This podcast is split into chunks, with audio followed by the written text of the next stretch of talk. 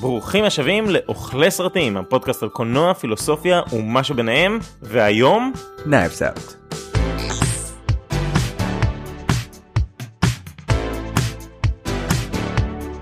כמו בכל שבוע אנחנו ניקח סרט, נפרק אותו, נסתכל עליו מזווית הקולנועית, הזווית האידיאולוגית והזווית הפילוסופית, ננסה לראות למה אנחנו כל כך אוהבים אותו.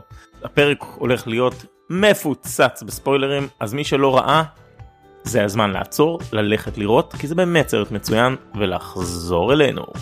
אני ליעד הרמן, יזם וחולה קולנוע, ואיתי באולפן כמו תמיד, ניתאי דגן, תסריטאי, במאי וחוקר תעלומות רצח. ואיתנו הבלש הידוע, ארנון פוארו. כן, זה אני. רגע, האם זה נכון שכדי ללמוד איך להיות בלש אתה בעצם הפכת לבוגר החוג לפילוסופיה באוניברסיטת תל אביב? כן. האם זה נכון שבשביל להיות בלש אתה חייב להיות חלק מתיאטרון החיפאית בחיפה? כן. האם זה נכון שכל התעלומות הכי גדולות קורות בחיפה? אה, כן. יפה מאוד, אז בוא נתחיל. אז היום סרטו של ריין ג'ונסון מ-2019 Knives Out רצח כתוב היטב. Knives Out הוא למעשה תעלומה בלשית קלאסית. האומנם? בתוך אחוזה בניו אינגלנד גר לו הרלן ת'רומבי סופר תעלומות מהמפורסמים בעולם. כאשר עוזרת שלו נכנסת לחדר העבודה היא מוצאת אותו מת על הספה עם גרון משוסף. עכשיו אנחנו צריכים לדעת מי עשה את זה. האם זה ביתו התככנית? האם זה בעלה חסר הכל? הבן שלו שמקנא בו בהצלחה? אולי זה אחד הנכדים? ואולי בכלל זו המשרתת האספנית. בשביל לפתור את התעלומה נקרא למשימה בנואה בלנק. הלא הוא דניאל קרייג, ג'יימס בונד במבטא טקסני כבד, ומנסה לפצח את התעלומה שלפנינו. מהר מאוד אנחנו מבינים שלא כל כך מדובר בתעלומה קלאסית, כי כבר באמצע הסרט אנחנו מבינים מה קרה. העוזרת בלבלה בין התרופות, ולכן הוא מת. אבל הדברים ממשיכים להסתבך, ובסופו של יום אנחנו מגלים שאולי לא בוצע פה פשע בכלל, אלא שכל עונו הולך לאותה עוזרת, כי יש לה לב טוב.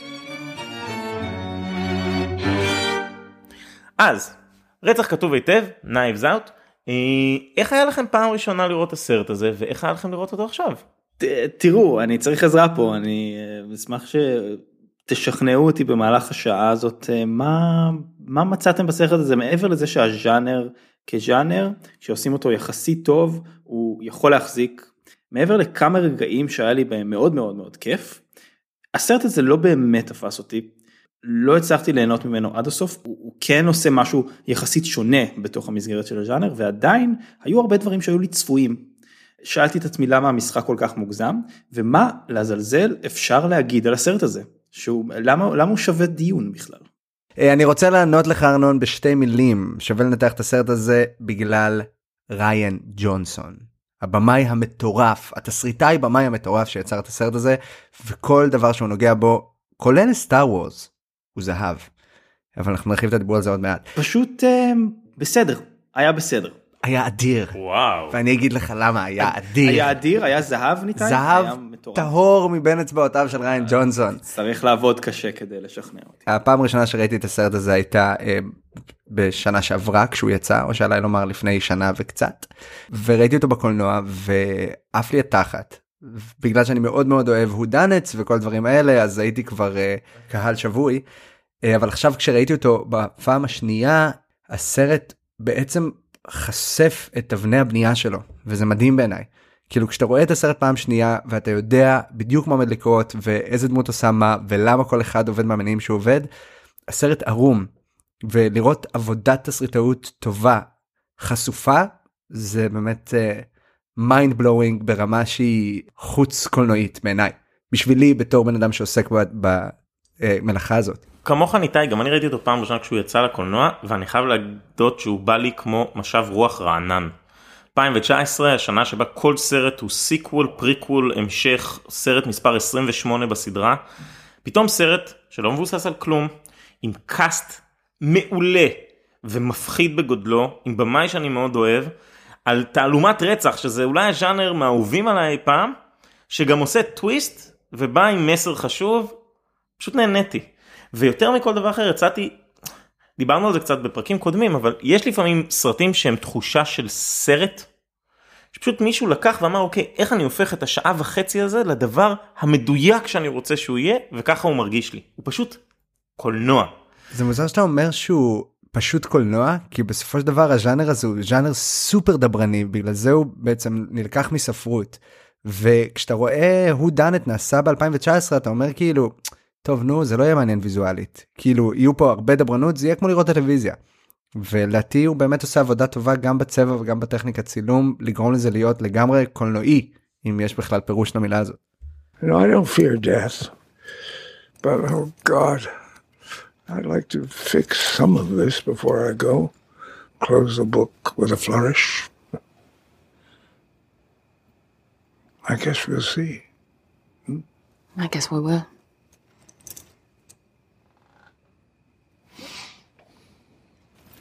Hey, you had a long day. You wanted to drugs? You mean the good stuff? Yeah? Oh, come and send me to uh, La La Land. Just a uh, tiny bit, okay? Why did I wait till my mid age to become a morphine user? What a schmuck. What a nudnik. This, this stuff is the best.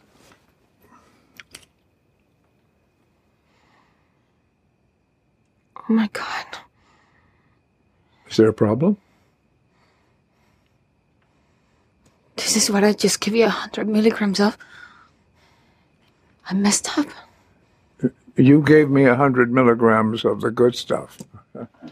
um, excuse me, but, but what is the good stuff's dosage supposed to be? Let's not call it that right now, okay? Three milligrams. No, that's much less. So what happens? I'm gonna give you an emergency shot of naloxone so you don't die in 10 minutes. Oh, well, no pressure. אני רוצה להציע שלוש נקודות שכדאי שאולי ניגע בהן. אחד אני חושב שזו הזדמנות מצוינת לדבר קצת על ריין ג'ונסון כבמאי ולמה ניתאי אתה כל כך אוהב אותו ואיפה אנחנו חושבים שהוא טוב או פחות טוב.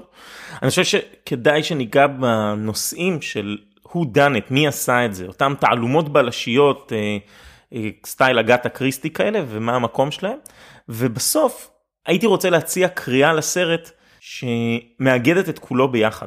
כי אני חושב שמה שריין ג'ונסון עושה פה יותר טוב מכל דבר אחר, זה להשתמש בדיקונסטרוקציה של ז'אנר, כדי לעשות דיקונסטרוקציה לחברה שבה הסרט מתקיים.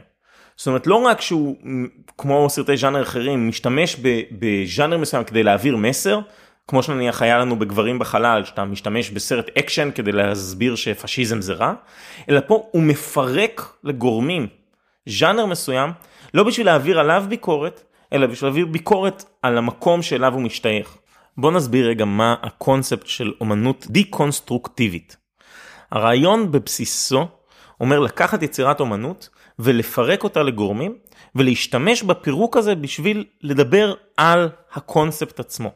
ניתן דוגמה, כשאני שם אה, משתנה בתוך מוזיאון וקורא לזה אומנות, אני מפרק לגורמים את הקונספט של אומנות מאי ומעביר עליה ביקורת. או יותר קרוב לעולמות שלנו, כשאני משתמש בגיבורי על ומראה כמה הם מגוחכים, כמו וואטשמן, אני עושה יצירה שמקשיבה לכל חוקי הז'אנר, אבל חושף אותו במערומיו.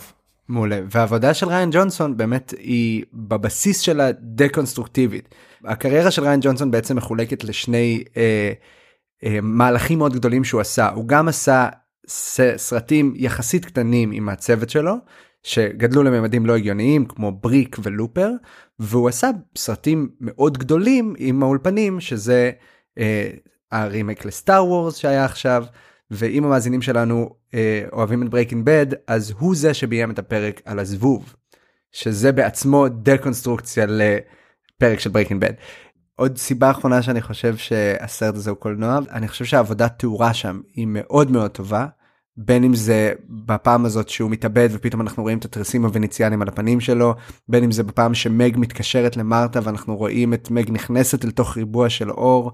הניסיון להפוך את הסרט הזה לסרט פילם זה מטורף. כאילו כל הקטע בצילום פילם זה שאתה צריך להשתמש בהרבה מאוד אור. וכשפילם מקבל אור לעדשה אז הוא גורם לאובייקטים בפריים להיראות כאילו הם uh, נשרפים.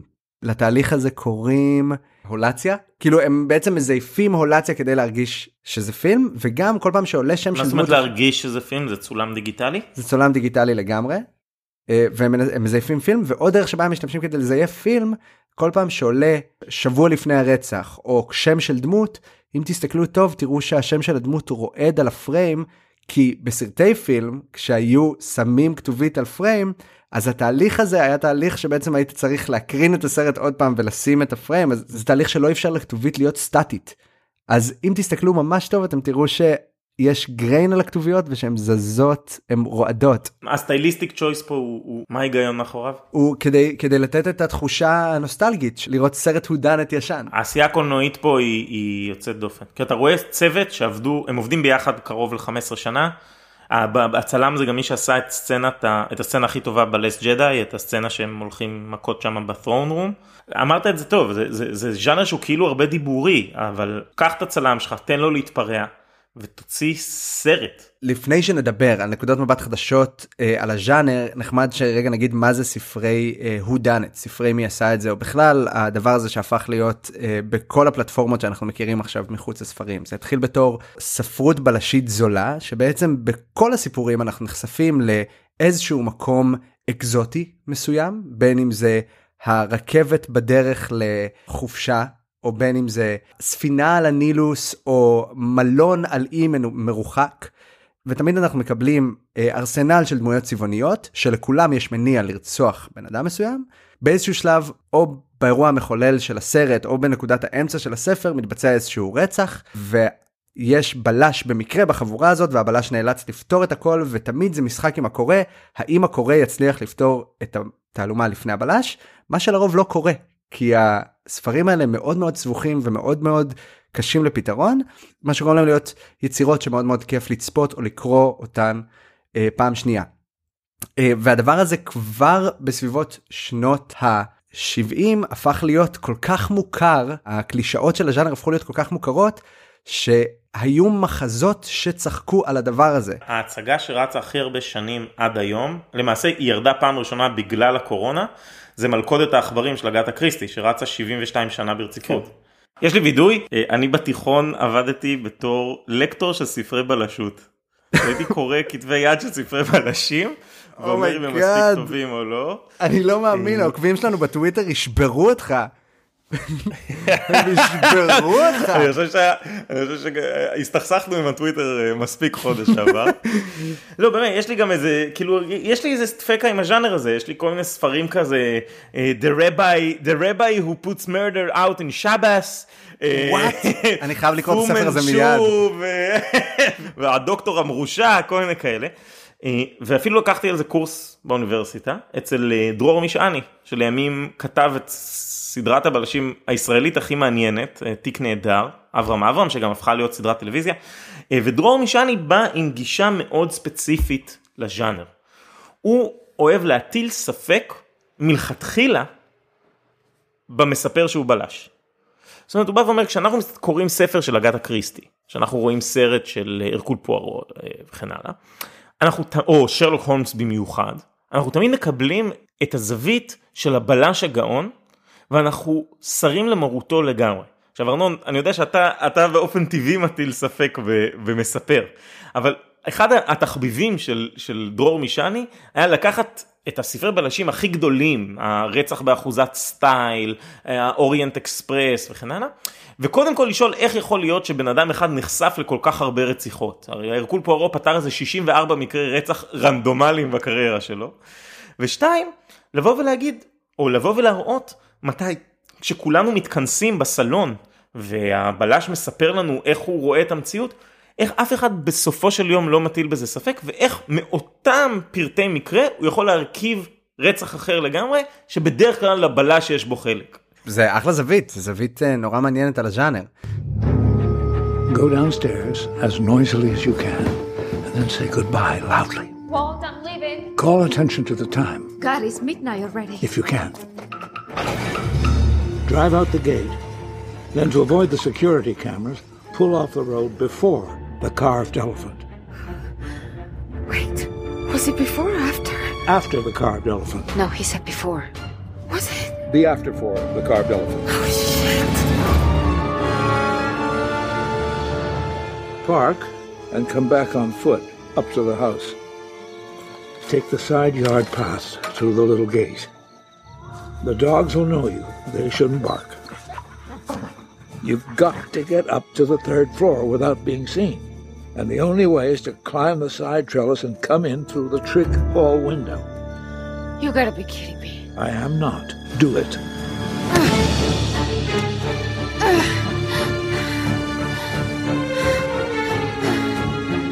הסרט הזה מתחיל כבר בשעות הפתיחה בשוט של כלבים רצים על רקע טירה.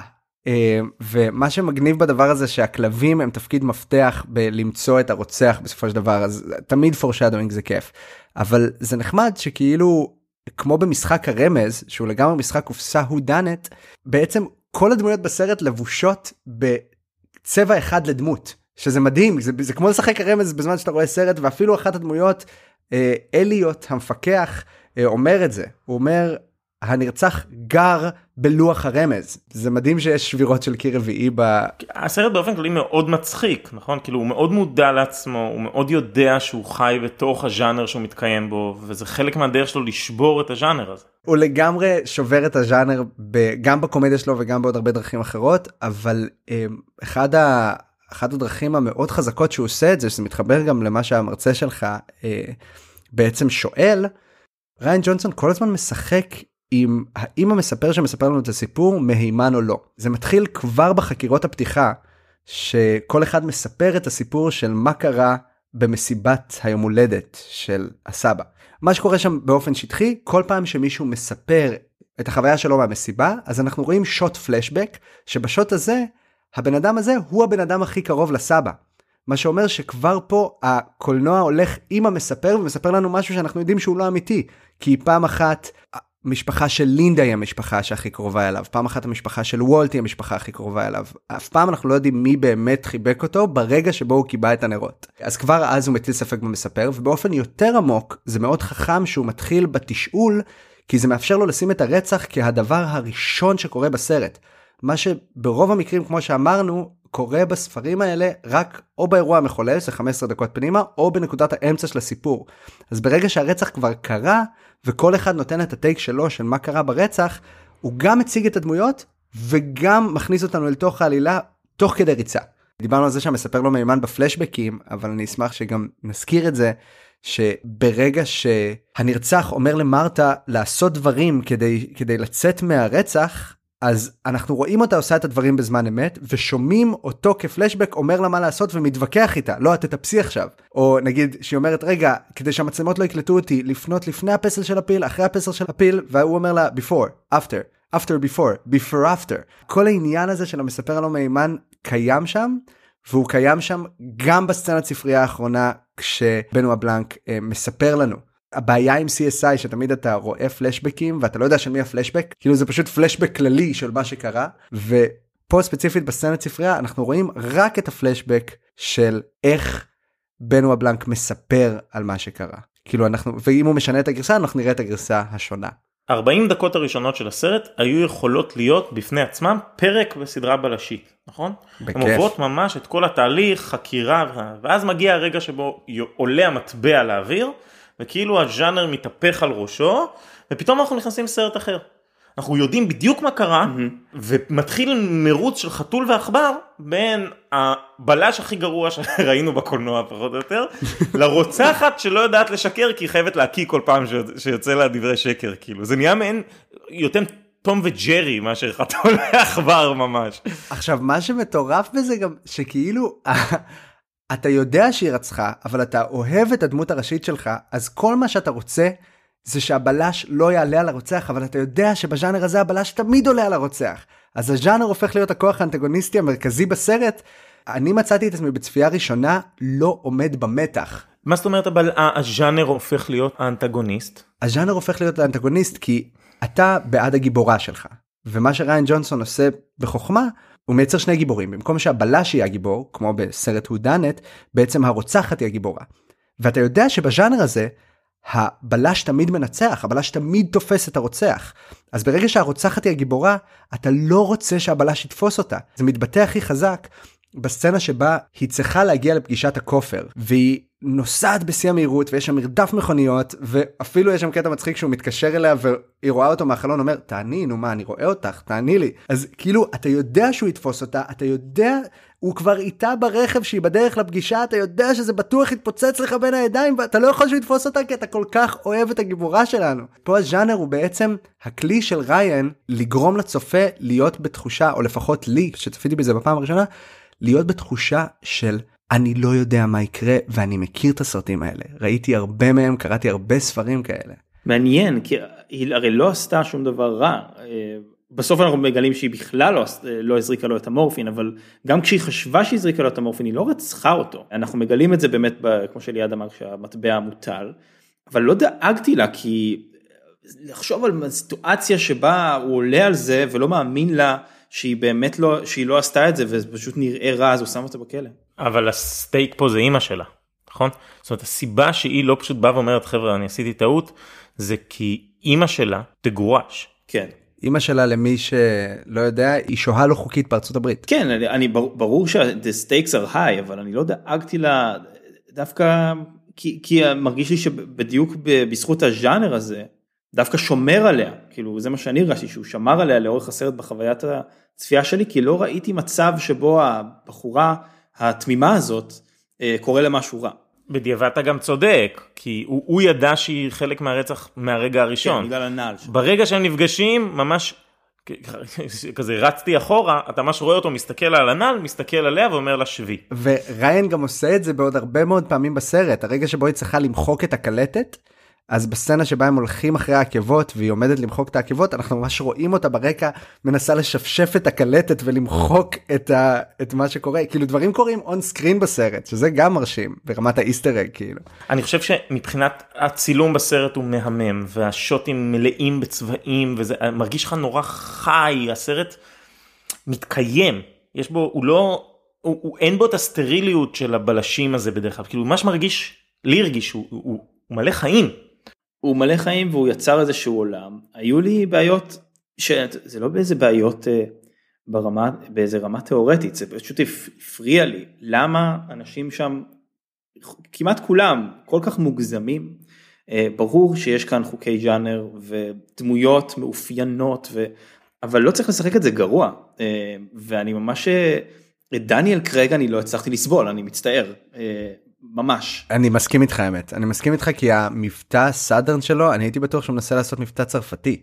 אני לא מכיר את הסוג הזה של Southern. כן. זה היה לי מאוד מוזר. בצפייה הראשונה אני הייתי בטוח שהוא מזייף ושזה חלק מהעלילה מתוך זה שלא האמנתי לבלש. ברור. ואין... הייתי בטוח שהוא כל כך הוא כל כך שובר את, ה, את, ה, את חוקי הז'אנר ש, ש, ש, שהבלש הוא הרוצח או משהו כזה.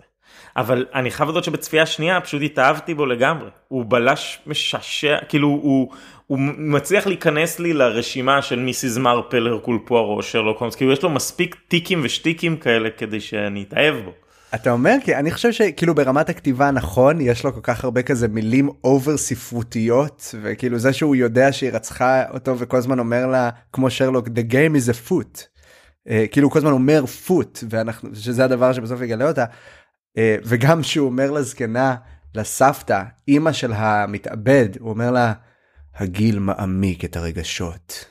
אחי מה אז זה לא ז'אנר להגיד את הדבר הזה אבל אבל ברמת המשחק אני דווקא חייב להסכים עם ארנון אני מרגיש שדניאל קרייג עם כמה שהוא fucking ג'יימס בונד הוא הנקודה החלשה בעיניי אה, בקאסט. הוא היה מעצבן והיו עוד כמה מעצבנים השחקנית אני לא מסכים בכלל בסדר גמור השחקנית הראשית מהממת ו- ונפלאה ו- ומחזיקה את הסרט. But I spoke in the car about the hole at the center of this donut. And what you and Harlan did that fateful night seems at first glance to fill that hole perfectly. A donut hole in a donut's hole. But we must look a little closer. And when we do, we see the donut hole has a hole in its center. It is not a donut hole, but a smaller donut with its own hole. And our donut is not whole at all.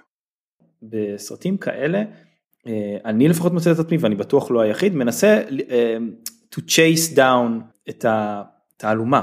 ואני מצאתי את עצמי מצליח. לצורך העניין, יש איזשהו רגע שהם עושים recap לכל מה שקרה בחצי שעה הזאת בין 11 וחצי ל-12, ומספרים שהנרצח או המתאבד ירד למטה רגע. וזה שהבן שלו צעק לו, אבא אל תאכל עוד עוגיה תחזור לישון. כן אבא אל תאכל עוד עוגיה אבל אני רואה ב recap הזה שהוא לא מסתכל אחורה אז אני אומר טוב זה לא היה הוא באמת כאילו דברים כאלה ואני מצליח לעקוב אחרי זה ונגיד עם המורפין ברור שזה לא שזה לא אה, במקרה הזריקה לו מורפין או חשבה שהזריקה לו מורפין ברור שמישהו עשה את זה אז לא הצלחתי לתפוס מי זה היה אבל כבר הבנתי לאן זה הולך ולכן זה קצת ניתק אותי. אבל זאת כל הפואנטה לא? כאילו הפואנטה היא שלא תגלם מי זה היה. לא, אני חושב שהתעלומה עצמה היא תעלומה מאוד בינונית. אבל זה הקטע. כאילו אם אנחנו חוזרים רגע למה של, שריין ג'ונסון לדעתי מנסה לעשות פה, הוא מנסה לעשות דיקונסטרוקציה לז'אנר הבלש, בזה שהוא מציג לנו בלש גרוע עם רוצחת מאפנה ועם תעלומה שהיא די בינונית כי הפואנטה היא בדיוק לא הצ'ייס הזה אלא לפרק לפרק את איך שהז'אנר פועל ולהראות את, ה- להראות אותו במערומיו בשביל להעביר את המסר החברתי שהוא לא מסתיר בכלל. בעיניי זה, זה, זה, זה המטרה של הסרט. אני מסכים איתך בכל החצי הראשון אה, זה מכוון שארנון יעלה על ה... אה, על זה שהיא הרוצחת כי זה ה sequence שבו אנחנו מספרים שהיא הרוצחת זה מכוון שהתעלומה היא בינונית עד אמצע הסרט כי אז זה הופך להיות crime thriller שזה נורא מגניב אבל אני חושב שהמטרה של ריין ג'ונסון היא לא לעשות רק דקונסטרוקציה לג'אנר זה לא כמו דדפול נגיד. אני חושב שיש פה משהו שהוא דווקא יותר מזה הוא אומר אני פועל בתוך חוקי הז'אנר מפתיע אתכם עם מערכה שנייה שהיא ז'אנר אחר לגמרי ואתם תראו שבסוף הסרט כשנחזור שזה יהיה אהודנת נחזור להיות אהודנת אתם עדיין לא יודעים מי רצח ואתם בתחושת בטן נטו אומרים לי זאת לא תהיה מרתה. ואני חושב שפה כולנו נפלנו ברשת. אני רוצה להציע קריאה אחרת. הסרט לא מסתיר בשום שלב את, ה, את המסר הפוליטי שלו. חלוקה מחדש מחודשת של, של משאבים. כל הגיבורים בסרט מעידים על עצמם שהם עשו את הונם בשתי ידיים וכולם בסופו של דבר אנחנו מבינים שלא עשו את הונם בכלל אלא חיים על חשבון אבא שלהם. ורק זאת ש, שעבדה קשה והגיעה מכלום בדיוק כמו כמו הסופר הקורבן שלנו כן היא בסוף זוכה בשלל אה, וכולנו מכבדים את זה ויותר מזה כל אחד ואחד מהם הוא, הוא חרא כאילו והוא מוצג כחרא מזה מעצם העובדה שהם לא יודעים מאיפה היא באה בכלל דרך זה שהם מאיימים עליה עם הסיפור של אמא שלה שהם אכפת להם רק מעצמם עד ממש הילד הנאצי שמאונן בשירותים. שהוא אף פעם לא אונן סתם הדמויות אומרות את זה. לא, הסרט לא מסתיר את, את, את המסר הפוליטי שלו ש, ש, שמגיע לפיק בזה שה, שכבר מגלים מי באמת חשב שהוא הרוצח. אז הוא, הוא מאיים עליה והוא אומר לה את לא תעיזי לקחת את הבית שעובר בירושה מדור לדור טה טה טה ואז פשוט זה הרגע ש, ש, שהבלש שובר את הדמות שהוא בנה לעצמו נקרא מצחוק ואומר מה אתה מדבר אתם קניתם את זה מסוחר פקיסטני בשנות ה-80 כאילו המיתוס של מעמדות בארצות הברית נשבר בסרט הזה ואני חושב שזה לא סתם שריין ג'ונסון בחר בז'אנר הבלש הבריטי כי ז'אנר הבלש באנגליה, כאילו באמת באותם בלשים מפורסמים, בין אם זה שרלוק הולמס או רקול פוארו וכן הלאה, מושתת כמעט תמיד על הבדלי המעמדות שמובנים בחברה הבריטית. יש מאמר של ג'ורג' אורוול משנות ה-40, שמדבר על ה-good English murder. הוא אומר שאתה לא יכול לפתוח בעיתון יותר שום good English murder בסגנון הרקול פורו ש, ש, שמישהו ממעמד הביניים מרעיל את uh, זוגתו כדי לזכות בירושה ומאשימים את הבטלר וכן הלאה כי כל הרציחות שאתה קורא היום זה, זה שני אמריקאים שהולכים מכות ו- ואני חושב שזה לא סתם. הקונספט של מעמדות במדינה כמו אמריקה, מדינה כמו ארה"ב שלמעשה כולה ללא יוצא מן הכלל היא מדינת מהגרים וכשנושא ההגירה הוא נושא קריטי בשנת 2019. עם החומה של טראמפ וה... ולא לתת למקסיקנים להיכנס. הוא פיקטיבי, הוא פיקטיבי. הסרט הזה יצא פחות מחצי שנה אחרי שפורסם המכתב של סבא של טראמפ כמהגר שמודה על האופציה להגיע לארה"ב. אין דור לדור בארצות הברית. לא קיים דור לדור ארצות הברית. והמחשבה שעצם העובדה שאבא שלי התעשר ועל כן זה מקנה לי מעמד נפרד, זה מה שהסרט יוצא כנגדו בבייסיק. והוא בוחר בז'אנר של הבלש, של ההוא דאנט, כדי לפרק אותו, כדי להראות שבדיוק כמו שהמבנה של ההוא דאנט הוא לא רלוונטי למציאות שאנחנו חיים בה היום, והוא שקרי, גם מבנה מערך המעמדות הוא שקרי. והפירוק הזה בא ביחד. עכשיו הוא בא ביחד בכל הרמות. נכון הרמה החזקה ביותר זה שבנו הבלנק יוצא ואומר הבית הזה בכלל של מהגרים אבל הוא בא גם ברמת הבדיחה שהדמות של דון ג'ונסון אה, ריצ'ארד בחקירה הראשונה שלו מצטט את אה, המילטון והוא אומר immigrants we get the job done. אז זה גם מעלה לנו רפרנס למחזה שבו אנחנו מדברים על שחורים שמשחקים את גדולי האומה וגם בעצם הדמות שלו של דון ג'ונסון היא דמות שבדיון על טראמפ בתוך הסרט הוא מביא את מרתה קבררה כדוגמה ואומר לה הנה את בנית הכל מאפס את לא מהגרת ואז משתמש באימא שלה כדי לאיים עליה. כאילו זה בא גם ברמת הבדיחות. לא, ונותן לה צלחת תוך כדי ו- ואומר לה שהיא באה ממדינה שהיא לא הגיעה ממנה בכלל. אז כאילו הדיקונסטרוקציה של המבנה המעמדי בסיפור בלשים, The Butler did it, אוקיי? זה לבוא ולהגיד לא רק ש-The Butler didn't do it, הוא היחיד, היחיד שעובד פה, ואם אנחנו לא נשכיל לראות שהמבנה המעמדי שאנחנו יצרנו הוא לא רלוונטי אלינו, לארה"ב של המאה ה-21, כמו שהסיפור הבלשי של אנגליה של שנות ה-40 לא רלוונטי אלינו לארצות הברית של המאה ה-21, אנחנו יוצאים מטומטמים לגמרי. אנחנו יוצאים מטומטמים לגמרי, ואנחנו נ, נ, נציג במערומיו גם את הז'אנר וגם את הפרשנות שטבועה בו כדי שזה בכלל יהיה מעניין. Because the butler never did it. וגם לא אמרנו על הז'אנר הזה אה, למי שמגלה עליו פעם ראשונה פה בפודקאסט שתמיד מדובר באדונים ומשרתים. תמיד אה, ברמה של הסרטים שיצאו באייטיז, הסרטי הו דאנט, יש כל כך הרבה אנשים עשירים בפריים שמשחקים באוי לא מי, נר, מי רצח מי נרצח, שעם כמות המשרתים שאתה רואה בפריים אתה אומר לעצמך הם סתם משחקים פה משחק. כאילו זה נראה כמו משחק של עשירים עם עשירים ובדיוק בגלל זה הז'אנר הזה הוא בדיוק הז'אנר לדבר על פערי מעמדות כאילו אני מופתע שאף אחד לא עשה את זה קודם. עשה את זה קודם, רוברט אלטמן בגוסטפורד פארק. בסדר, בסרט שאי אפשר לראות. אה, אה, סרט מדהים, אבל ארוך, אחי, הוא ארוך. זה מעניין מה שאתם אומרים. כי באמת אה, בסוף מרתה, היא כביכול הכי קרובה למי שעשתה את זה, או זה הכי נראה שהיא עשתה את זה, וכל בני המשפחה הקפיטליסטים הלבנים רצו לגרום לזה ש... היא תיחשף כרוצחת, בסוף היא יורשת הלגיטימית היחידה לבית הזה כמהגרת שבאמת כל אחד אומר שהגיע ממקום אחר ברזיל, אקוודור, אורוגוואי, כאילו הגזענות נחשפת לגמרי, ובסוף לא רק שניסו להפליל אותה, אלא ניסו לרצוח אותה. הבחור הזה מתנפל עליה, ואיך קוראים לו? קפטן אמריקה, לא הבחור הזה, קפטן אמריקה. השחקן שגילם את קפטן אמריקה. אפשר להגיד הרבה סרטים ודברים על הסרט. סאדל it isn't, אוקיי? הוא שולף סכין ופשוט דוקר אותה בחזה, וכמובן באתנחתא חומית נהדרת מדובר בסכין... סכין קפיצית. סכין קפיצית. אני רוצה לסגור, כמו בלש אמיתי, אני רוצה להראות את כל ההוכחות כדי להראות לכם שהתזה שלי מדויקת. יאללה, דפוק לנו סצנת ספרייה. לא רק ש...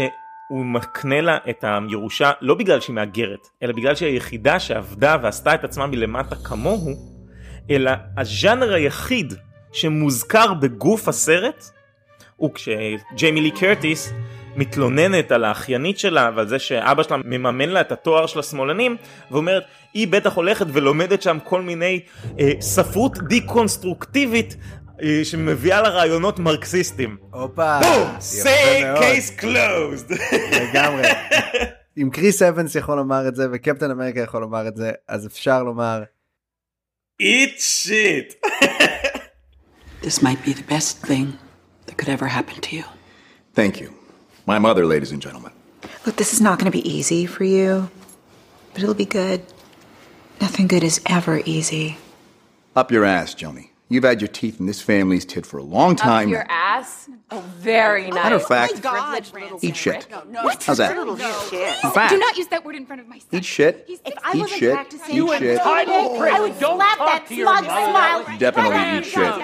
Eat shit, we can all eat shit. סיפור מאחורי הסצנת איט שיט הזאת. מסתבר שבתסריט ריין ג'ונסון כתב fuck you fuck you fuck you fuck you והוא הבין שאם יהיה fuck you בסרט הסרט יצטרך להיות rated R. והוא בתור במאי, בתור צופה יותר נכון, כשהוא היה צעיר, הוא זוכר כמה היה כיף לראות את הסרטים האלה עם כל המשפחה. שהוא היה בא כילד והוא לא היה יודע שום דבר מתוך התעלומה, והוא רואה ועף על זה. והוא אמר לקריס אבנס כאילו אוקיי אז מה מה היית אומר וקריס אבנס מספר בריאיון אחר שהוא אה, יש לו חבר שפשוט עדיין משתמש במונח eat shit והוא משתמש בזה כל כך הרבה שהוא הסתכל עליו ואמר לעצמו איזה קשוח זה לאחל למישהו לאכול חרא. זה ממש לא לעניין ועדיין זה זה לא ראית אדר יאללה בוא, בוא נלך על זה. וזה משהו שעלה ביום צילום. אה, זה מאוד מטומטם. ארנון מה, מה דעתך על התזה שלי כי אני בניתי את זה כל היום כדי לשמוע מה אתה אומר.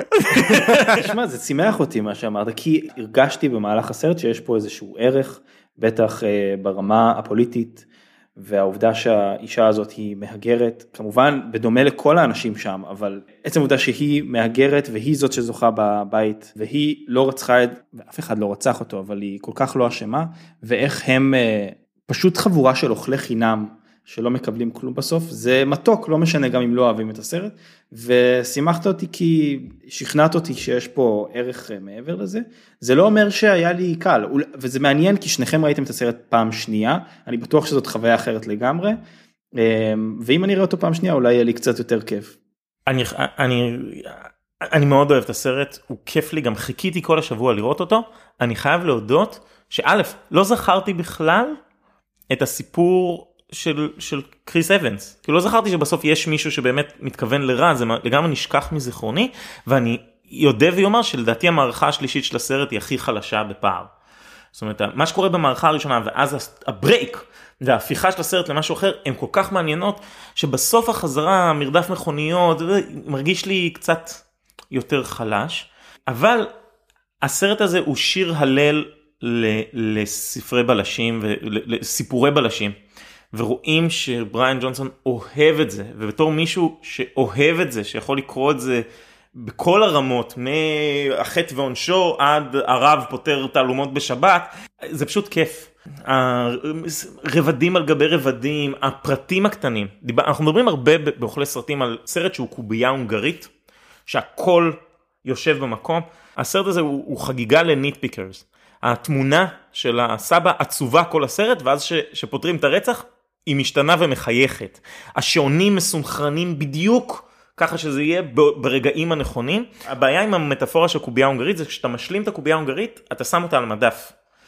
ופה בגלל מה שאתה אמרת ארנון, שהתעלומה עצמה היא לא העיקר, אני חושב שאתה יכול לחזור לסרט הזה עוד פעם ועוד פעם וליהנות מהדרך. כאילו זה הרבה יותר אני, אני מנסה לחשוב על מטאפורה שאיננה קובייה הונגרית, משהו ש, שנחמד לעשות שוב ושוב, אבל זה הרבה יותר אולי... אה, סולמות ונחשים. ופה הערך, אני חושב שריין ג'ונסון אוהב להתעסק באיך ובפירוק של האיך יותר מאשר במה, וכשזה מגיע לתעלומת רצח, אני לא קורא או רואה סרט בלשי כמעט אף פעם יותר מפעמיים, כי זה לא מעניין בפעם השלישית, ופה אני חושב ש, שיש לזה ערך. יש לזה מלא ערך וגם יש לזה יש כל כך הרבה בגלל שיש קאסט מטורף של דמויות צבעוניות אז הוא מאפשר לעצמו לתת לכל דמות סוג של אר קטן. זה באמת חגיגת nitpicking מטורפת. נגיד כל הרעיון הזה שכבר בחקירות הראשונות הדמות של ג'יימי לי קרטיס אומרת אה, היו לנו הייתה לנו דרך סודית לתקשר. ואז אנחנו מגלים שהדרך הסודית הזאת לתקשר היא דרך מכתבים עם כתב סתרים אז אנחנו סוגרים את ה arc של בעלה בוגד בה והיא לא ידעה את זה כל הסרט ואם זה לא מספיק ל nitpickers אז הדבר שמוליך אותה לגלות את זה זה הכדור בייסבול שנזרק ברחבת הטירה כל הסרט והכדור הזה נמצא שם בכל פריים שבו היא ודון ג'ונסון נמצאים וה, והנושא הזה עולה וגם יש משחק לוח עם uh, המשחק שכל הזמן הוא הופך בגלל שהוא לא אוהב להפסיד. אה גו כן עוד דבר מגניב בסיבה שהם השתמשו בגו בעיניי לא אין לי שום דבר לתמך את זה זה שחור ולבן. עכשיו שאתה אומר את זה היא היא היחידה שמנצחת אותו בגו חוץ מקריס אבנס וכשהוא שואל אותה איך את עושה את זה היא אומרת לו לא מעניין אותי להגיע לפתרון מעניין אותי לייצר צורה יפה במיוחד. ואני חושב שזה שוב אני חוזר לקריאה הזאת ריין ג'ונסון מתעסק בפורמט בפורם בצורה באיך כדי להעביר את המסר ולא במה. ואני חושב שהוא עושה את זה כמעט בכל שוט בסרט. אולי מפה גם זה פותר לי את התעלומה האישית שלי למה הסרט הזה מרגיש לי כמו קולנוע ולא כמו עוד פרק בעלילות שרלוק הולמס כי מעבר להיותו סודוקו יש לו איזושהי צורה אחידה כזאת הוא, הוא מנצח בגו בגלל הצורה שלו. וגם כל הקטע של גו זה לפרק פאטרנים, לפרק שורות. השחור צריך לפרק את השורה הלבנה. הלבן צריך לפרק את השורה השחורה, וזה בדיוק מה שריין עושה פה. אז ארנון, שכנענו אותך? כן. אתה רוצח. יפה, יפה מאוד. כל מה שאתם אמרתם, דווקא משמח. אז uh, אני חושב שאכלנו את הסרט, וזה אומר ש... סרטים מן המרתף.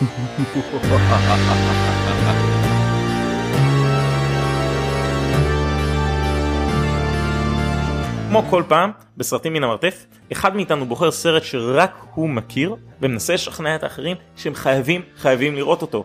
וכמו בכל פעם, כנראה שאני אשתכנע ראשון. אבל הפעם יעלה לבמה הבלש הידוע, ניטייזור פוארוזור.